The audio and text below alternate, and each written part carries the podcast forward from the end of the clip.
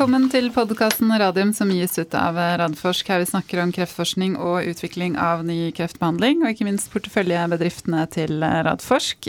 Det er blitt episode 191. Den heter Biomi. Det er 21.9, klokken er 13. Velkommen i studio, Jonas Einarsson. Tusen takk, veldig hyggelig å være i studio. det er lenge siden du og jeg har vært her sammen. Med gjester i studio. Det er en, merke, en merkedag. Veldig, veldig hyggelig. Jeg kan fortelle det som et godt tegn på at den koronaen er i ferd med å slippe taket. Yep. Ja, vi gjør det. Så er det veldig hyggelig å ønske velkommen til Morten Isaksen, administrerende direktør i Biomi. Takk for det. Fint å være her. Så bra. Og Runar Wige, som er klinisk direktør i Biomi. Takk for det. Det var hyggelig. Bra. Vi skal også ha med oss en til på Zoom, men det kan vi vente litt med. Vi må ta litt kort om nyhetene fra porteføljeselskapene først. Vi kan begynne med Nordic Nanovektor, som faktisk allerede har fått en ny CEO, som ja. startet i går. Erik Skullerud. Norsk, med lang farmabakgrunn, bosatt i Sveits. Ja da, og det ser ut som det forhåpentligvis er rett, rett, mann på rett tid og rett plass denne gangen i Nordic Nanovektor. Det hadde vært uh, veldig hyggelig. Ser ut som en uh, veldig relevant uh, bakgrunn. og har jo jobbet som konsulent, så vidt jeg har forstått, og nettopp solgt tjenester rundt dette. og Det er vel derfor han da kan tiltrå på såpass kort varsel. Ja. Det var det jeg også tenkte. Vi skal ha med oss Marlene Brondberg, altså da, som har vært i interim. CEO neste uke, så jeg skal sjekke med henne om ikke hun kan få med seg sin, sin nye CEO også. Eh, ellers er det jo Esmo for tiden. Eh, Targovax de har et abstrakt som er presentert der.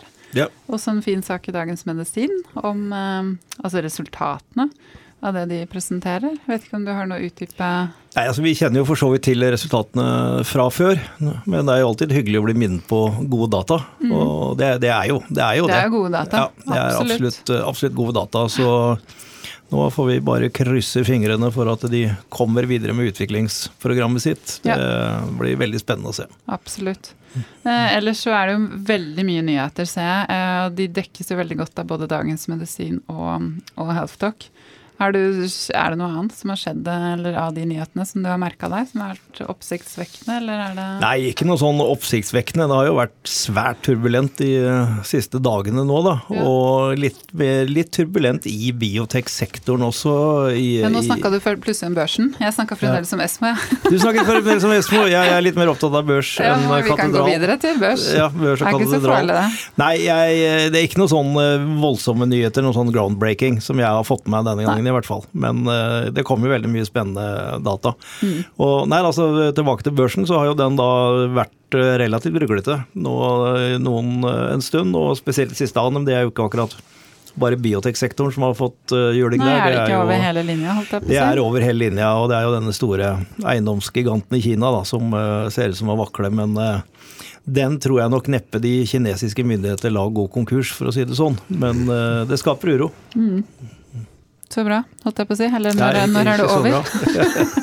når er det over? det vet vi aldri. Spørs hva Nei. som skjer sånn makro og ellers også. Nå er det jo uh, store ting som foregår i FN. Uh, kan det se ut som Europa, USA, alliansen kan styrke seg litt igjen. Blir det mer bråk rundt uh, dette med, med Australia og, og, den alliansen der?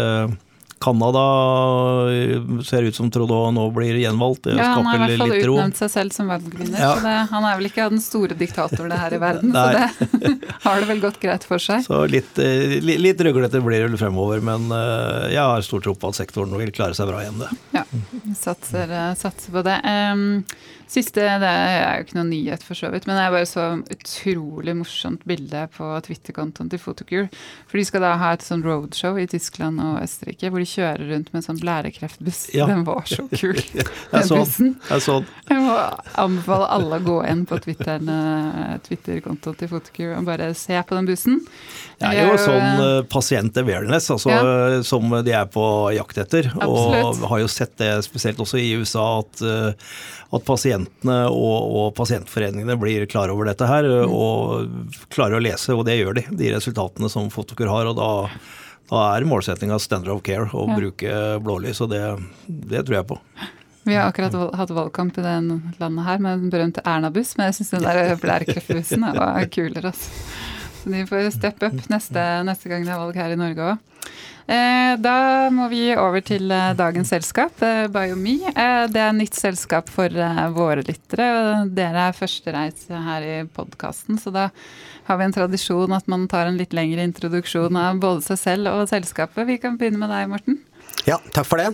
Eh, Morten Isaksen heter jeg. så jeg, Min bakgrunn er som har en doktorgrad i bioteknologi fra Universitetet i Oslo. Eh, gamle Biologisk institutt, det heter vel ikke det lenger nå, tror jeg. Eh, og startet egentlig mitt første selskap mens jeg var student, som var en sånn avløper av Bionor, Bionor Research Products. Senere um, flyttet til England, bodde i Cambridge-området og var med i noen oppstartsselskaper der. Flyttet tilbake til Norge, jobbet en del innenfor um, som technology transfer, både gamle forskningsparken i Oslo uh, og forskningspark på Ås og sånt noe. Og det var egentlig i forbindelse med det arbeidet at jeg først kom inn på dette området med mikrobiom, tarmflora, tarmbakterier, og dette var jo sånn 2008 ute for en god del år siden. Um, men, men så spennende muligheter rundt akkurat det. Og uh, ja, over tid da satt opp, satt opp Biomi. Og det vi gjør i Biomi er jo at vi har utviklet en teknologiplattform som gjør at man veldig raskt og nøyaktig kan få en profil av disse bakteriene som er i tarmen, og linke det da opp mot forskjellige helsetilstander. Så jeg har vært så heldig å fått med Runar Vige eh, på laget, så vær så god. Ja, takk for det. Um, jeg, jeg, jeg, har et fysiologisk hovedfag fra Norges idrettshøgskole i sin tid, og senere så uh, har jeg også bygd på med en MBA, så da blir jeg litt sånn hybrid. En slags eh, forretningsutvikler med en klinisk profil. Um, jeg har 20 år bak meg i livsvitenskap. Um, jeg har jobba i flere år i, i ja, 20 år i industrien med farmasøytisk legemiddelutvikling. Eh, også innenfor næringsmidler. Eh, og jeg har jobba med utvikling også av produkter innenfor en kategori som vi omtaler i Norge som næringsmidler til spesielle medisinske formål. Så da har jeg jobba mest med kardiometabolsykdom, dyslipidemi, eh, leversykdom. Og eh, de første årene så eh, Ja, skal vi si de første ti årene så hadde jeg mer type kliniske roller, jobba direkte med klinisk utvikling. Før jeg da tok eh, sprang over i i, i mer den businessrollen og fikk på meg businesshatt. Så da er jeg forretningsutvikler, og det, og, og det brenner jeg for. Men, mm. uh, men, jeg jobber også en del med kliniske aktiviteter uh, hos oss i Biomi. Så jeg har vært i Biomi siden uh, ja, i ca. halvannet år nå. Mm. ja. Så det er gøy å være her. Det er ja. Og det er klart, et lite selskap som Biomi, så er det veldig fint at man har litt sånne hybrider mm. som kan brukes til litt forskjellige ting, og det er vi nok alle sammen i selskapet til en viss grad. Mm. Ja. Eh, hvor mange er dere per i dag? Så, vi er åtte ansatte i dag. Ja. Mm. Så bra. Eh, fordi jeg tenker på, Før vi skal liksom dukke langt ned i, i selskapet og forstå mer av det, er jo nettopp dette med bakteriefloraen i tarmen. altså Hvorfor er det så viktig f.eks. med kreft, da, som vi er mest opptatt av her i podkasten? Ja, takk for det. Bare litt kanskje mer om selskapet. Så Vi mhm. holder jo til da på Forskningsparken i Oslo. Eh, og eh, ShareLab er liksom det området hvor vi på en måte bruker har har labfasiliteter foreløpig. Det har vært en grei løsning for oss. Vi så jo også litt på lokaler her for noen år siden, men da var vi ikke så kreftfokusert som egentlig det vi har blitt nå den siste tiden. Når det gjelder dette med, med tarmbakterier og helse, altså det har liksom gått igjennom noen sånne faser. altså Historisk så ble jo bakterier sett på som farlige nye skumle patogener som man skal holde seg unna. Du skal liksom bruke antibiotika og drepe alt dette her. Eh, og Det er liksom den liksom klassiske måten å se på disse bakteriene på. Men så har man liksom de siste 10-15 årene forstått at uh, disse bakteriene er jo ikke bare kjekt å ha, men faktisk essensielle og viktige på en måte for helsebildet. Uh, for at man skal ha en god helse, men at de også har påvirkning på sykdomsbildet. Og også faktisk hvordan medisiner fungerer. Det er en stor studie som, hvor de tok 270 forskjellige medisiner og én og én hadde interaksjon med forskjellige medisiner, forskjellige bakterier. Og da fant de at 67 eh, av disse medisinene blir faktisk eh, metabolisert av bakterien i tarmen. Eh, så, så, det er veldig masse ting som skjer rundt dette feltet akkurat nå. Um, det, ja. ja. jeg tror Vi kan jo også si Morten, at jeg tror Forskninga har utvikla seg veldig på dette feltet de siste 20 årene. så For 20 år siden så var dette mer å betrakte litt som et sånn kvakksalverfelt med probiotiske produkter som poppa opp over en lav sko.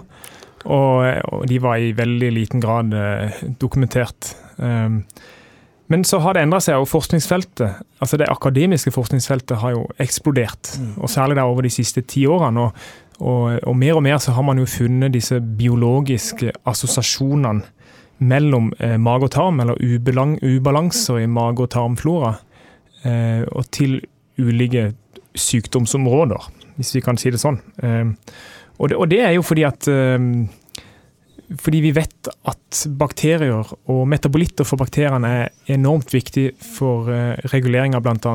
Uh, immunforsvaret. Man snakker jo også om sånne, Det er litt sånne buzzord, men man snakker jo også om the gut liver axis, eller the gut lung axis. Um, gut brain axis er kanskje enda mer fremtredende. Og, og, og, denne, denne, skal vi si, dette sam dette samarbeidet, denne, denne sameksistensen da, mellom mikrobiomet og host, ehm, det har jo også resultert i at man har sett at mikrobiomet er utrolig viktig for f.eks. regulering av glukose. Eh, ehm, regulering av lipidprofiler. Eh, respons, eller skal vi si Responsen på en glukosetoleransetest for eksempel, eller en lipidtoleransetest kan påvirkes av hva slags mikrobiom du har. Um, viser også uh, veldig tette bånd til autoimmunitet. Uh, nevroimmunologiske sykdommer, f.eks., som Parkinson og MS. Uh, men også allergiske sykdommer. Det kan vi jo også si litt mer om etterpå. Men allergiske sykdommer er også veldig tett knytta opp, naturligvis, til, mm. til, immunologiske variabler og parametere. Mm. Ja. Og det som er interessant også, er at det har jo det har også resultert at det er jo mange selskaper som mange biotech-selskaper som popper opp, som eh, ønsker å se på hvordan man kan eh, manipulere eller eh, hvordan man kan skape medikamentelle løsninger, utvikle medikamentelle løsninger for å korrigere ubalanser eh, som man ser i, i tarmflora. Eh, for om mulig å kunne påvirke sykdomsprogresjon mm. og sykdomsutfall. Mm. Ja. Og Hvis man skal gå mer inn på dette med kreft, da, og hvordan dette har innvirkning på kreft, og spesielt immunterapi, så er det jo eh, forstått mer og mer at 70 eh, av immuncellene er jo faktisk i tarmen. Eh, og det er interaksjonen mellom omgivelsen på en måte som er i tarmen og, og disse immunsystemet, som, som, til en viss, stor grad utdanner og, og hjelper liksom immunsystemet. Um, og det er jo da også når man tenker på dette med metabolitter, da, som, som Runar snakket om, at det er jo Man kan nesten se på tarmen som et sånt endokrint organ som på en måte skiller ut veldig masse ting. Og hvis man ser på metabolitter i blod, så er jo faktisk uh, eh, 50% eller mer av disse metabolittene kommer jo fra disse bakteriene i tarmen. Mm. Så det er helt klart at her er det viktige ting. Og spesielt når man også er klar over at disse metabolittene fra bakteriene de påvirker immunforsvaret på forskjellige måter. Enten oppregulering eller nedregulering. Og i noen tilfeller faktisk direkte mimikerer immun... Um, uh, altså ja, immunsubstanser, da, på en måte. Så, så, her er det masse spennende ting uh, som, som, skjer. Og um, så, så, Det er også en del studier som viser at når det gjelder dette med kreft og immunterapi, at man da kan se at det er mikrobiomprofiler som er assosiert med Eh, spesielle eh, utfall av eh, immunterapi. Responder, non-responder, f.eks. Um, ja, ja, og det, det, man kan, det, man kan, se, er jo at dagens immunterapi er jo svært effektiv i, i mange tilfeller. Men når alt kommer til stykket, så, og det finnes jo litt ulike tall på dette, men den virker jo bare i større eller mindre grad. Så for noen virker den veldig godt, og for andre virker den ikke i det hele tatt. Og totalt sett så anslår man, anslår man vel at kanskje den har god effekt i 30 eh, hos 30% av brukerne. Og det, og det, til tross for at man, man gjør en del rundt per, persontilpassa medisin, eh, DNA-sekvensering og andre diagnostiske tester. Men så ser man jo at eh, mange av disse pasientene som altså de scorer på de biomarkørene som de skal score på for å få behandling, men, men allikevel så responderer de ikke på behandling. Og, og motsatt ser vi at det er mange som ikke scorer på biomarkørene, men som eh, vil ha god effekt av behandling. Så det er helt klart at uh, det er mulighet for bedre diagnostiske løsninger innenfor dette feltet. Så. I, for, for, tre år siden, det var vel kanskje 2018, Morten, hvor det kom faktisk det året kom det tre kliniske studier hvor man så på tarmflora hos respondere versus non-respondere på immunoterapi, og, og, alle tre studiene fant altså Fellesnevneren for de tre studiene var at de fant at det var en det var viktige forskjeller i fotavtrykket til mikrobiom eh, hos mm. pasienter som responderte, versus de som ikke responderte. Um, så kom det også tidligere faktisk en studie hvor man har da transplantert fekalt materiale fra eh, en, eh, en, person som har respondert godt, til en person som ikke har respondert på immunoterapi. Og så klarte man faktisk å og, gjøre denne non-responderen om til en responder. Så mm. Det er jo interessant at man kan ganske lett manipulere og endre mikrobiom mm. Eh, for å få til dette. Mm. Det er jo det som på en måte er det spennende her, at eh, genene er det litt vanskeligere å manipulere, selv om det er teknologier rundt det også nå. Men, men mikrobiom og tarmbakteriene kan man faktisk ganske lett manipulere. Og sånne studier som nå Runar snakket om, hvor man har vist at man kan faktisk gjøre det, og det gir en klinisk outcome, mm. det åpner opp veldig mange spennende ting rundt terapi på dette området. Mm. Og det er det flere selskaper som jobber med, også farmaindustrien som begynner å engasjere seg på dette her. Det som mangler, er en god diagnostisk test, mm. som kan på en måte åpne opp og avgjøre ok, skal denne personen ha nytte av denne behandlingen f.eks. Mm. Og det, er der på en måte Biomi kommer inn, og det er der vi ønsker oss å bli veldig gode på akkurat den delen. For å dekke det behovet. Mm. Så bra. Mm. Jonas, hva tenker du om dette her? Nei, Jeg har jo registrert da på de store konferansene som jeg nå har fulgt med de siste 20 årene innenfor kreft, og spesielt ASKO, men også andre. Eh, utviklingen i immunterapi som gikk fra at det var et lite klasserom med 10-15 stykker som var interessert i, i, immunterapi og kreftbehandling, til at det nå dominerer eh, ASKO hvert eneste år. Uh, og På samme måte så har jeg faktisk lagt merke til nettopp dette med mikrobioma. Hvordan det har fått en større og større plass mm. på konferansene. Uh, og Ingen tvil om at det skaper stor interesse. Hele feltet ligger jo skal vi si da, 15 år etter immunterapi. Sånn at vi er, må liksom tenke på hvor var vi igjen med immunterapi for 15-20 år siden. Mm. Vi begynte å se at jo, dette har en sammenheng. Eh, men vi skjønte ikke helt hvordan. Uh, og der føler jeg liksom at vi er, er enda i, i mikrobioma. Jeg, jeg, så også på de studiene når de ble, ble, lagt frem, og det er jo ingen tvil om at det er en form for korrelasjon. Det er det bare å forstå korrelasjonen og forstå forskjellen. For alle, av alle de slidene jeg så, så ble jeg jo rimelig litt høyere del av forvirring. Men det var liksom så langt jeg kom, fordi den ene slo den andre i hjel, og det var liksom Men det er, det er veldig moro også hele tida å trekke sammenligningen til immunterapi. For det var jo nettopp sånn som du sier også med responderne i immunterapi. Eh, vi hadde jo kreftvaksinene, som skulle tilsi at eh, biologi og teorien og alt av dette faktisk skulle virke bra. Eh, og så gjorde de ikke det. Det virka, men ikke så bra at vi fikk de kliniske resultatene vi ville ha. Men det var jo fordi vi ante jo ikke hva en sjekkpunkt i, i immunforsvaret var. Så var det først når sjekkpunkthemmerne kom, at vi skjønte at ok, men da er det fortsatt ikke alle som responderer. Men kan vi da gjøre noe i tillegg, nemlig å gi den type kreftvaksiner som da eh, gjør immunforsvaret enda bedre i stand, så lenge det ikke er mye bremser. Og da kom kombinasjonsbehandlingene som vi jobber med i dag. Og jeg ser for meg at dette feltet vil utvikle seg på samme måte. Men nå er eh, utvikling av nye kreftmidler og kreftbehandling nå, den er ikke lenger bare sånn at vi gjør, gir noe til pasienten, og hvis det virker, så er det bra. Eh, nå må vi skjønne hvorfor, og vi bør kunne forutse hvordan det fungerer. Og da kommer jo nettopp det dere jobber med, med, med diagnostikken eh, inn i mye sterkere grad, som den gjør i genterapi. Eh, så det bør absolutt være en plass for dette. Så jeg syns dette er veldig spennende. Mm, så bra. Da er vi så heldige at vi har med oss Terje Brustugen onkolog, lungekreftspesialist og nylig utnevnt eh, professor. Velkommen i podkasten, Terje. Hyggelig å ha deg med. Takk for å bli invitert. Hyggelig å være her. Så bra. Og det vi skal spørre deg om, eller vi skal høre mer om etter hvert, er jo dette samarbeidet med Biomi. Men jeg tenkte, vi har jo faktisk ikke hatt deg med i podkasten tidligere, så kan ikke du begynne med å introdusere deg selv litt, litt mer utførlig enn eh, det lille som jeg sa?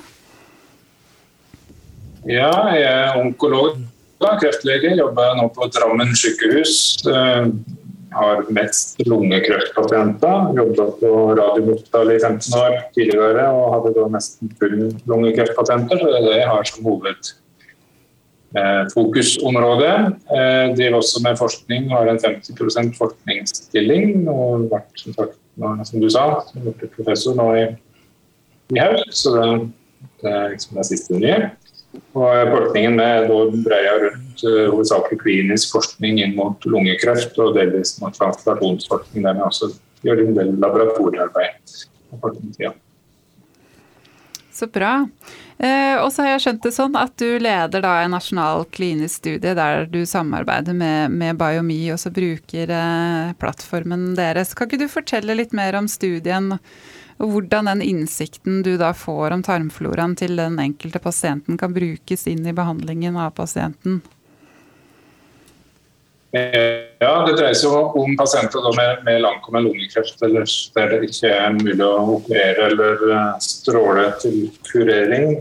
Så, så får de nå i dag eh, immunterapi. Det er det som er den mest moderne behandlingen for lungekreftpasienter. Det er noen også som får såkalt målretta behandling, men, eh, men, det er en annen gruppe. Så nå er det de pasientene som får immunterapi som er, som er i fokus. Og, eh, og vi uh, inviterer da alle pasienter som får det som, som del av sin uh, rutine eller standardbehandling, inviterer deg til å delta i denne studien. Der behandlingen går helt som vanlig. Det er ikke noe er ikke noe prosjekt der en skal se på behandlingsopplegget, men det vi ønsker er å få tatt prøver av pasientene både før og under og etter behandling. Og de prøvene er både blodprøver, vanlige blodprøver som en ellers tar, som blir brukt til spesielle analyser. Men det som er det ekstra i dette, er at vi også ønsker å få avføringsprøver. Altså prøver fra tarmfloraen. Eh, og Det er noe som pasientene gjør da hjemme. så De ordner med dette. De får et kit med seg hjem som, eh, med noen papplater som, eh, som dette skal samles på og. Så sendes i en vanlig konvolutt inn til Biomi, der analysene blir gjort på et veldig lite materiale, slik sett, men det, men det er tilstrekkelig til å få gjort de avanserte analysene som Biomi bidrar med. Så Pasientene tar da et par sånne avføringsprøver før oppstart. Og så får det et nytt hit i, i behandlingen etter en tre kurer cirka, Med, med immunterapi. Og så en nyhet etter et år eller hvis sykdommen utvikler seg. Så ønsker vi da å se på tarmfloraen på disse ulike tidspunktene og det er noe av de eh, variantene av tarmbakterier eller den profilen kan jeg si, av det, det er en drøss forskjellige tarmbakterier i, i, eh, i tarmen og En ønsker da å se på den profilen, om det er noen av disse profilene som da, eh, kan tilsi om pasientene har spesielt god nytte av immunterapi, eller motsatt, at de ikke har spesielt god effekt av behandlingen, der vi kanskje burde gi noe annet i tillegg. Og også muligheten for å se om det er noen, noen type bakterieflora-mønstre som kan si noe om risikoen for å få bivirkninger av immunterapi. Og det er på en måte hoved, hovedmålet eh, med studien. Og så vil ikke dette få noen umiddelbar konsekvens for behandlingen til det enkelte pasienter som deltar her, men målet er jo som du mente, det å lære ting, slik at en i framtida kanskje kan styre behandlingen ut fra det som en uh, inn fra en sånn bakterieprøve. Mm. Så utrolig spennende. Når, når starta studien opp, og hvor lenge skal den gå? Ja, Vi starta så smått i fjor høst, så vi har inkludert en del pasienter her i Drammen fra da. Begynte litt forsiktig bare for å teste ut og se hvordan dette fungerte. Og, og, nå blir flere sykehus inkludert nå i løpet av høsten, slik at vi, vi får mange, mange sykehus med på laget som vil være med å, å tilby dette til pasientene sine. Og så får vi se litt hvor lang tid vi vil, eh, vil trenge, men vi ønsker å da inkludere noen hundre pasienter i hvert fall inn i studien da, for å få et visst en viss volum på, på, disse analysene våre. Mm. Og den studien her, den går i Norge, ikke sant? Den går ikke noen andre steder, altså utafor Norge? Nei, den går, akkurat den her går bare i Norge. Mm. Men du, eh, hvorfor syns du det her er så spennende å se på? Ja, det er jo vist at, det at Immunterapi har ikke effekt hos alle, her, men, og det er jo et mål å prøve å finne ut hvorfor ikke alle har så god effekt av det, for å bedre behandlingen. Um, og Per i dag så har vi ikke noen gode verktøy til å si hvem det er som egentlig bør ha ekstrabehandling f.eks., og hvem det er som kan nøye seg med kun immunterapi alene. Og I noen tilfeller så gir vi jo immunterapi sammen med cellegift f.eks. Eh, ikke direkte i blinde, men vi skulle i hvert fall hatt bedre verktøy til å plukke ut de riktige pasientene. Og så er det jo dette med at Tarmfloraen og bakterieinnholdet i tarmen er et, både et uutforska område. Det er veldig komplekst og veldig mye som foregår i tarmen som en ikke tenker på til daglig, som, som, det er spennende å få innblikk i.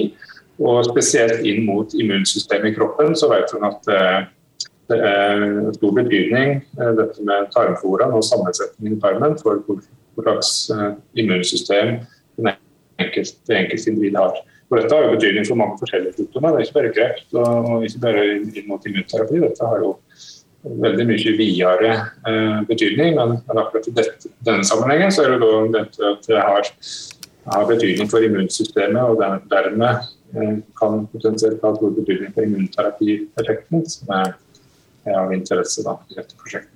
Mm.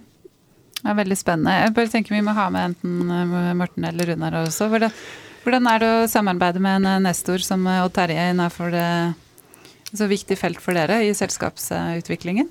Nei, Det har jo vært veldig eh, flott og positivt. og Terje er jo veldig, eh, veldig positivt innstilt til dette. Og det har jo vært veldig, eh, veldig gøy fra vi hadde første møte. Det var jo i Drammen for en del år siden, Odd Terje, hvor vi først snakket om dette her. Og så prøvde vi forskjellige måter å få i gang dette prosjektet på. Og så fikk jo da Biomi støtte fra Norges forskningsråd i et BIA-prosjekt. Og det var jo da vi på en måte kunne gripe fatt i, i dette og liksom starte den prosessen med innsamling av prøvemateriale og analyse og sånn rundt rundt det. Men uh, det har vært veldig positivt. Uh, og uh, Runar også, med de som vi samarbeider med i Vestre Viken, altså Drammen sykehus. har vært veldig bra. ikke sant? Ja da, jeg kan bare understreke det at det er jo en, det er en fryd å jobbe med, med, med folkene i Drammen rundt dette. Både, både med deg og Terje, og med studiesykepleiere og studiekoordinatorer som er rundt det. Så det, det fungerer veldig godt. Mm, så bra. Hva, hva forventer dere skal komme ut av studien? Så Jonas, du snakket jo om denne, disse tre publikasjonene som kom mm. i 2018. Eh, på en måte, og, og, de var jo enige at det var forskjell i profil på respondere og ikke-respondere, men de var jo ikke enige i hva slags bakterier som var viktige.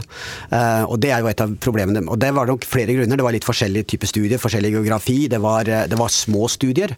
Um, 40-50 til kanskje opp mot 100 personer. Og de brukte litt sånn forskjellig teknologi, så det er nok mange grunner til det. Mm. Og En av de tingene vi syns er spennende med denne studien, at det er én stor studie som man bruker én uniform metode og kan dermed, forventer vi, også kunne se tydeligere hva som er viktig. Så er det jo mye som har skjedd i dette forskningsfeltet, slik at man begynner å se hvilke bakterier er det som, som, forskjellige grupper har sett. Og det er jo det vi setter sammen i vårt panel på vår type test.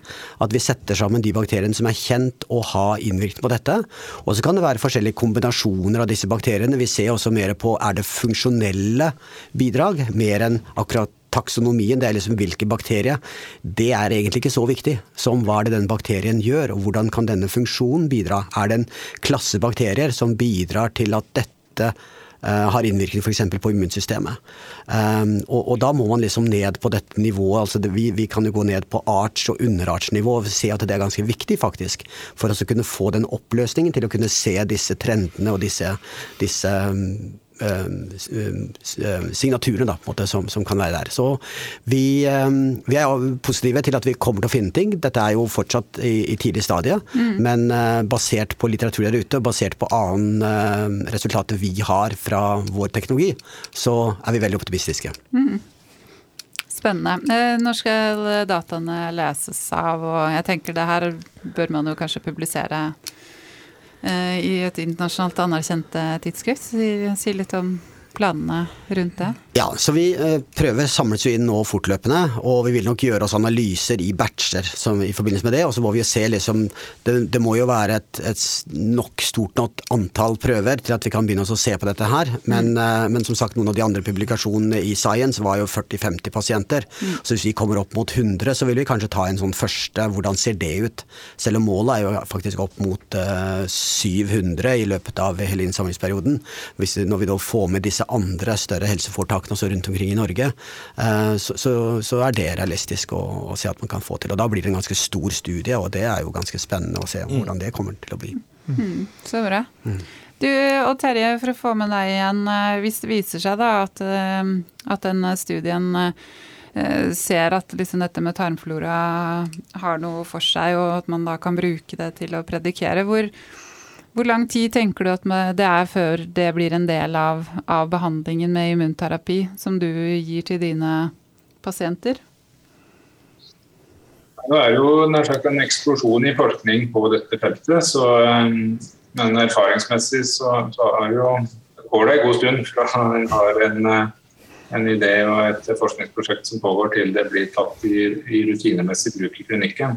Så Det er nok noen år fram i tid, men, eh, men en kan jo også se for seg at en eh, ikke bare kan predikere effekten, men at en også kan gå inn og påvirke tarmfloraen. Det er gjort forsøk på det at en eh, kan gi, gi pasientene som en ser ikke har effekt av immunterapi, tilskudd av de bakteriene som en ser at finnes hos pasienter som har effekt, og så, og så få reetablert en effekt hos de som først ikke hadde nytte. Så det er jo mange innfallsvinkler som en kan bruke her. Og, og, noe av dette kan jo komme før andre. Men, eh, men som en ren markør for eh, effekt av eh, immunterapi, det kan jo kanskje komme i løpet av relativt få år. Men vi snakker om noen år, ja.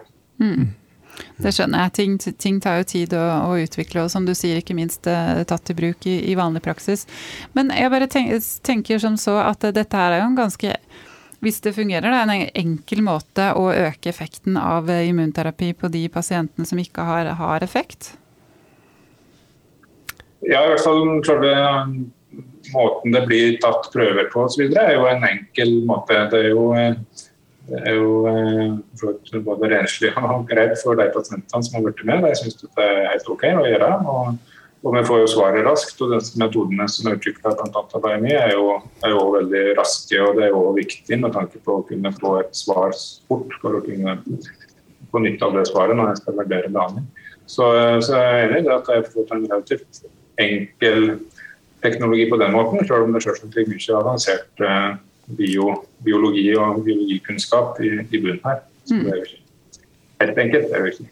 Nei, det skjønner jeg. Men jeg tenkte mer det, det, jeg egentlig tenkte på, er at i forhold til det Altså man jobber jo, Vi har jo flere selskaper i, i porteføljen til Radforsk som jobber med nettopp med det å forsterke eller sette i gang effekten av, av sjekkpunkthemmere. Altså, som er en stor del av immunterapien. Jeg tenkte Hvis du kan på en måte gå inn på en ikke-medikamentell måte og endre bakteriefloraen, så er det en, en mye enklere måte, i, i, sånn som jeg ser det. da. Ja da, det er jo det. Det er klart det er jo litt uh, Og billigere, ikke minst. Det, men, men, det er absolutt en mulighet for at en uh, Det er jo det fra dyreforsøk òg, at en har hatt, uh, fått oppnådd effekter på den måten. Så det er jo, det er jo sånn sett det må være en, en kapsel med, med riktig, riktige typer bakterier som en da svelger og får ned i tarmen f.eks. Så det burde jo være Men i teorien så, så burde det være en enkel sak å få til. Ja. Mm. Uansett veldig spennende å ha en, en studie på det. Um, jeg bare lurte på når vi hadde noe mer å snakke med og Terje om, ja, ellers tror jeg kanskje vi skal slippe han tilbake til pasientene sine. For du har tatt deg pause i, i, klinikken for å snakke med oss. Ja, det stemmer. stemmer ja. Bare en liten sånn følge opp det som Terje sier. Det er klart, ja. det er jo, som vi også snakket om tidligere, det er jo selskaper som utvikler slike mikrobiommodifiserende mikrobiomodifiserende eh, medikamenter. Og det er klart, de er liksom nå i fase én, kanskje inn i fase to. Så det er jo en, en stund fram til at det skjer. Eh, det er klart, eh, en type test kan jo ha anvendelse før det. Vi, ser også på f.eks. dette med toksisitet. Er det noen pasienter som kanskje ikke kan ha godt uh, nytte av, av, denne type ting, eller som kanskje ikke er bra å gjøre immunterapi? Og også treffe bedre da, på immunterapien. Eh, og så er det jo da disse selskapene driver jo kliniske studier. Eh, og vi har jo altså f.eks. Ultimovac som, som, også inkluderer eh, vår test i sine kliniske studier for å se er det stratifisering av pasienter som har mer nytte av den type behandling som de utvikler. Og det er jo også som vi syns er spennende. Eh, på vei til et endelig klinisk anvendelse testen, så vil det også være en, en støtte støtte i utvikling eh, av immunterapi generelt, men spesielt mikrobiomodifiserende um, medikamenter. Mm, vi er så heldige å ha styreleder i Ultimovax her, så Har du en kommentar, Einarsson? Nei, ikke noe annet enn at det viser jo bare når vi utvikler nye kreftlegemidler nå, at vi leter med lys og lykte etter alle muligheter for å forklare hvorfor det virker hos noen pasienter og ikke virker hos andre pasienter. Så vi gjør jo en masse immunmonitorering, men gjør da dette her i tillegg også, som kanskje kan gi oss enda mer informasjon når vi skal forklare de regulatoriske myndighetene hvorfor det virker på disse pasientene, og hvorfor det ikke virker på andre pasienter. Mm. Så sånn sett så viser jo det også et forretningsområde for, for uh, selskapet. Nettopp med å, å, hjelpe til med utviklingen av nye kliniske studier og nye legemidler som er under utprøving. Uh, som da kan komme mye raskere enn et legemiddel kan, kan komme fram. Men vi kan ta den diskusjonen etterpå. Gratulerer med professoratet, herr Brushugen. Det var veldig hyggelig og fortjent. Ja, takk skal du ha. Men du, tusen takk Odd Terje for at du var med oss i podkasten. Veldig spennende. Lykke til videre med studien, og så eh, snakkes vi sikkert snart. Ja, takk for det. Det gjør vi. Vi snakkes. Flott. Takk skal du ha. Hei, hei. Jeg tenkte bare jeg skulle bygge litt videre på det du sa, Jonas, om, eh, ja. om, om, om forretningsmodell. Altså, det er jo en av de måtene vi forsøker å bygge selskapet Biomi på. er jo å være den aktøren, eller den the go to partner Eh, for akkurat dette. Eh, å etablere kontakt med den typen biotekselskaper som, som trenger tilgang til en sånn type test, både i sitt utviklingsløp, men også den dagen de skal introdusere et nytt legemiddel i markedet. At de har en, en slags, at de har en diagnostisk eller prognostisk test eh, tilgjengelig. Eh, og den trenger ikke nødvendigvis bare være direkte knytta til et legemiddel, som en sånn companion diagnostics, som vi kaller det. Men den mm. kan også være en sånn komplementær, altså complementary diagnostics. En test som kan være tilgjengelig i markedet, eh, og som de kan benytte seg av. Mm. Så ja, men Jeg er helt enig i at det er eh, og det, det, er nok noe vi eh, har tenkt på i mange år. Altså, da snakker vi om biomarkører, andre markører. Hvordan kan man stratifisere pasientene også i, i real world når de har kommet ut av de kliniske mm. studiene? Mm. Eh, og der er det jo sånn at De biomarkørene vi har hatt eh, å jobbe med til nå, de har vært for lite forstått og er for lite gode til å si det. For vi begynte jo med, med, med PD1 og PDL-hemmerne at de måtte ha mer enn 50% ekspresjon for å få medikamentet. Og så viser det seg at det er noen som nesten ikke har noe, som allikevel responderer. Så det måtte gå helt bort fra Så vidt jeg vet, så bruker ikke den markøren lenger. De, altså de, de, bruker den ikke sånn at den får noen effekt i behandlingen. Mm. Men, men, det forskes på det, for all del. Men, ja. men det viser at vi, vi, trenger jo den type markører som vi kan stole på. Ja, i hvert fall hvis man skal, hvis man skal bruke begrepet persontilpassa medisin, så behøver man å selektere pasienter basert på den typen markører som eh, vi jobber for å utvikle i Biomi. Mm. Og, eh, og, bare for å dra det litt videre inn, inn mot vår teknologi. altså Sekvenseringsteknologien har jo blitt brukt i, i, alle år, og den er jo enormt god for å kunne avdekke eller identifisere alt som er i et mikrobiom. Men du venter på resultater i fem til seks uker, mm. og det er ganske kostbart. Og I tillegg så trenger du ganske stor bioinformatisk kompetanse i andre enden for å tolke resultatene som kommer. Så, så, mange av de studiene som ligger til grunn for liksom hele dette feltet, eller kanskje nesten alle studiene som ligger til grunn, de kommer jo fra sekvensering. Og, eh, og vi i BioMe vi bruker jo den informasjonen som kommer derifra. Så plukker vi ut det viktigste eh, som er identifisert av målbakterier, og så setter vi det sammen i et QPCR-basert panel. Eller eh, et panel hvor vi kan gjøre QPCR-baserte analyser. Eh, og, og, det som kjennetegner vår teknologi, det er jo at den Vi mener jo at den er svært velegna i en klinisk setting, fordi resultatene kan jo i teori Altså det er to timer fra DNA til analysesvar. Mm. Så det går svært kjapt, og i veldig mange indikasjoner så, så er det påkrevet. Det er jo helt nødvendig at du kan få det svaret kjapt. At ikke du må vente fem-seks uker. Mm. F.eks. innen onkologi. Du kan ikke vente fem-seks uker med å starte immunterapibehandling. Det må skje i løpet av noen dager. Yeah. Mm. Så, eh, så, det er jo litt der vi står. Og så for ikke snakke om presisjonsnivået i sekvensering er også litt så der. Ja. Ja. Mm. Uh, og det har vi løst med vår teknologi med PMP. Mm. Så vi har høy presisjonsnivå og, og, og, svært høy reproduserbarhet. Så, sånn sett så, opp, så den tikker bokser som du trenger å tikke for å kunne ha en plass i en klinisk hverdag. Mm. Mm. Det er veldig, veldig, veldig spennende. Um, sånn som jeg skjønte, så kaller det da plattformteknologien for precision microbiome, microbiome profiling.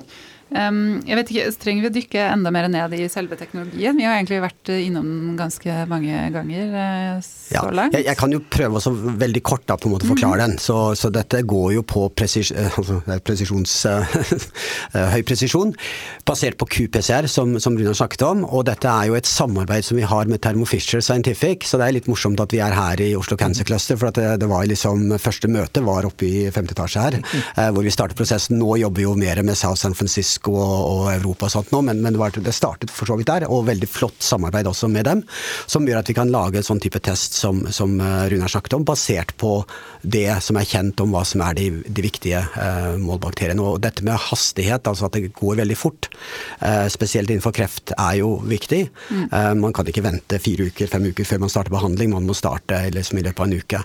jeg kan jo bare nevne et annet kreft Eh, prosjekt da, som vi også ser litt på nå, eh, det er jo kjent at innenfor sånn eh, stemcelleterapi, eller sånn at man har graft versus host-effekter og forskjellige ting hvor man, og det, det da Memorial Stone Catering uh, Cancer Center har jo liksom publisert hvor de ser at det, det er helt tydelige mikrobiomprofiler som kan predikere om en, en, pasient da vil ha god eller dårlig outcome av den type behandling.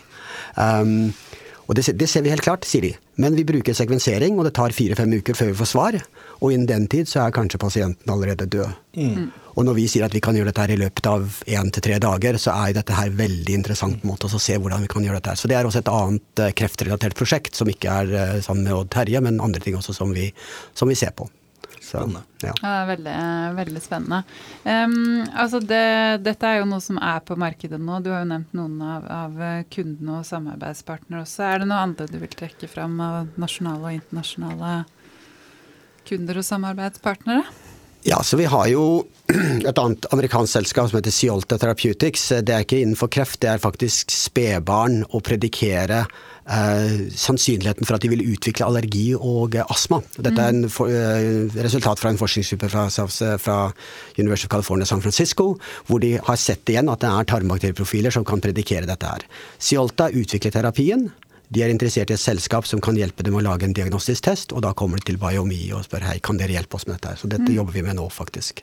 Stilig. Så, så det, det virker som dere har på en måte utrolig mye kontakter i USA, da, sånn som jeg forstår deg?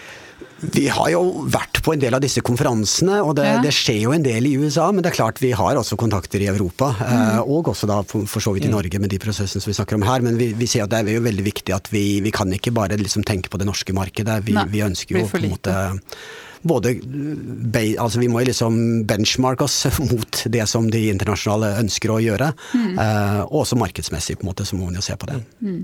Hvordan har det vært da for dere under koronaen nå, med kun digitale konferanser? Har på en måte disse partnerskapsmøtene fungert digitalt, eller?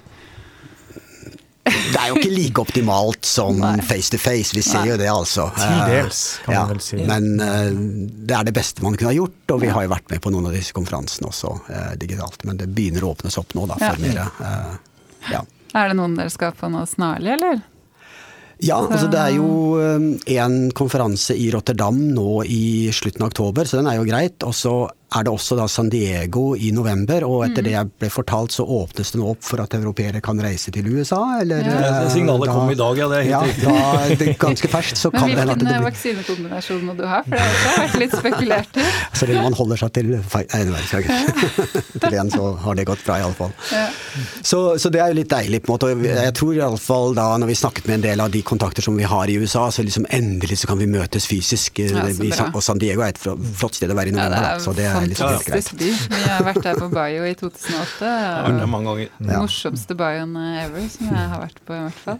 Eh, Hvis vi ser litt videre på sånn sånn konkurransesituasjonen, hvordan er den? Er dere på en måte unike, eller er dere Har dere sterk konkurranse? Som vi snakket om, så er det jo DNA-sekvensering som gjøres veldig mye. Og det er jo um, CRO-er og selskaper som tilbyr på den type ting, som er veldig greit å gjøre i tidlig fase for mer sånn exploratory discovery og finne ut hva som er der. Eh, men når vi ser det vi kan gjøre med denne høy turnaround time og, og presisjon og sånt nå, så er det ikke så veldig mange andre der ute. Det er klart, jeg ble fortalt en gang at hvis man gjør noe som er riktig, så vil man nok få konkurrenter. Og det, det er vi nok klar over. at Det kan være en grei ja. indikasjon på at man er inne på noe. Hvis ingen liksom. andre gjør det de gjør, så er det ikke sikkert at Ja, ikke sant. Ja, det er jo er noe, med, er noe med det. Jeg lurer ellers på ja, hva dere har, har under utvikling. Altså, har dere en pipeline, eller er dere på en måte Altså, dere har jo en plattformteknologi, den er jo selvfølgelig veldig anvendbar, da. Ja, altså, vi jobber jo innenfor flere områder eh, som ikke er onkologi, men vi kan jo også nevne at vi, jobber med CRC, altså kolorektal cancer. Der har vi også aktiviteter på gang. så... eh, det er, mye, det er mye onkologi på oss. Men eh, vi, vi jobber også med inflammatorisk mage- og tarmsykdom, eller, eller IBD. Um, og Der er det et stort prosjekt som uh, man omtaler som Ibsen-prosjektet. Der har vi faktisk en nærings-ph.d. fra Biomi som skal inn og, og gjøre uh, en, en stor jobb på Ibsen-prosjektet. Og Det er jo ja, Hvor mye er det, Morten? Er det, er det 2000, eh, 2000 IBD-pasienter? Prøver fra IBD-pasienter? Med forskjellige tidspunkter igjen Ja. før behandling starter. Litt sånn samme som, som vi har her. Så den Ibsen 3 er jo en veldig spennende Ja. studie. Så har vi også et prosjekt eh, i samarbeid med, med Ahus, og det er jo støtta av regionalt forskningsfond. Eh, hvor man ser på long covid. Ja. Eh, så eh, ungdom som, har, som er covid-positive. Eh, man følger de over seks måneder, og så ser man eh, hvilke skal vi si, langtidssymptomer de har, med spesielt fokus på, eh, på kronisk tretthet. Mm. Så Der samler vi inn eh, mikrobiomprøver fra disse pasientene som vi skal analysere hos oss, for å se om vi kan identifisere fotavtrykk i mikrobiom som er assosiert med, med, med, med skal vi si, gode langtidsutsikter, eller, eller litt mindre gode langtidsutsikter. Særlig da med fokus på tretthet. Så, Mm. så det er også spennende. Eh, Ja, Morten, du nevnte jo Siolta i stad, så det er jo eh, allergisk sykdom. Der eh, har vi jo litt aktivitet. Og så er vi jo også da, som sagt, i dialog med andre selskaper som, som jobber innenfor onkologifeltet. Det er vi. Og det er jo, det er jo den typen samarbeid vi, vi ønsker velkommen. Som sagt, vi prøver jo å bygge noe av vår forretningsmodell rundt å supportere eh, biotekselskaper som utvikler den terapeutiske løsninga, og som trenger, trenger sånne som oss. Men så har vi jo Mimluk, eller studien som Odd Terje snakka om, som er kanskje det mest spennende vi gjør innenfor kreft eh, om dagen. Mm. Ja. Veldig bra. Så det er klart Vi ser jo på hele dette persontilpasset medisin, og, og snakker litt da også eh, med folk her på huset rundt eh, hvordan vår type tilnærming kan, kan være et sånt supplement da, måte til de studier som man eh, gjør i dag innenfor kreftbehandling og persontilpasset medisin. Så vi Mm. syns jo det også er spennende å ha en litt annen dimensjon da, som, måte, som man kan se på eh, Mm. rundt mikrobiomet der. Absolutt. Tenker sånn eh, helt eh, Avslutningsvis så må vi innom finanser. Eh, Dere har nylig hentet inn penger, hvis ikke jeg husker feil? Ja, så Ja. nå i sommer så hentet vi inn, det var jo ikke så mye, 10 millioner, men for et lite selskap som oss så gir det oss litt fartstid og litt ro til oss å få gjort en del ting. Eh, vi, vi har jo også et veldig godt oppegående styre, føler vi. Og, men, så det vi nå jobber med er jo på en måte også frem mot den neste emisjon, som blir en litt mer sånn Series A en gang i løpet av neste år, eh, forhåpentligvis før sommerferien. Ja. Eh, og eh, som da vil på en måte posisjonere oss til virkelig å kunne ta fatt i dette her og, og, og komme videre på veldig mange av de spennende prosjektene som vi har. Hvis det er noen investorer som lytter, det, det vet jeg jo at det pleier å være. Hva, hva skal de gjøre hvis de syns dette hørtes spennende ut? Skal de ta kontakt med deg, Morten? Ja da, eh, det er kontakt på vår hjemmeside, bio-me.com. eh, Og der kan man eh, Det er også telefon og e-post på en måte der. Vi har jo også et spennende webinar i morgen. Hvor igjen i forbindelse med vårt samarbeid med Thermo Fisher Scientific, så har de da på en måte for hele Europa arrangert et, et webinar. Som det også, hvis man går inn på vår hjemmeside, så vil det være informasjon å, å melde seg på der.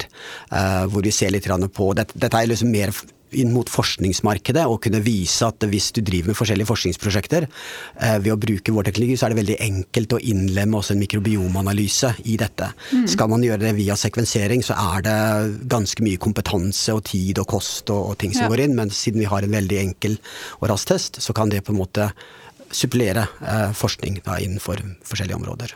Mm. Så bra. Du sier enkel, rask, billig også, eller?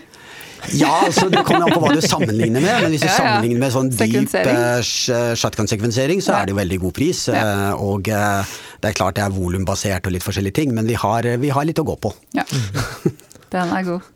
Så bra. har du noen ytterligere kommentarer her, Einarsson? Nei, for så vidt ikke. Jeg har dekt, dekket det meste. Det er, det er veldig morsomt at det er også flere selskaper som kobler sammen flere både forskningsdeler. altså Terje er jo svært kjent for oss som mm -hmm. en av våre dyktigste klinikere på kliniske studier. Eh, og så Thermo Fisher, Ultmovax, eh, andre områder. og og vi ser jo det at onkologi smelter sammen med immunologi, med autoimmune sykdommer, med den totale forståelsen. Så det bare bygger opp under det. Så det er veldig spennende. Mm, absolutt. Veldig hyggelig å ha dere med her i studio. Masse lykke til eh, videre. Takk for det. Det var veldig hyggelig å få komme. Ja, takk for det, og takk igjen for invitasjonen. Jeg setter veldig pris på det.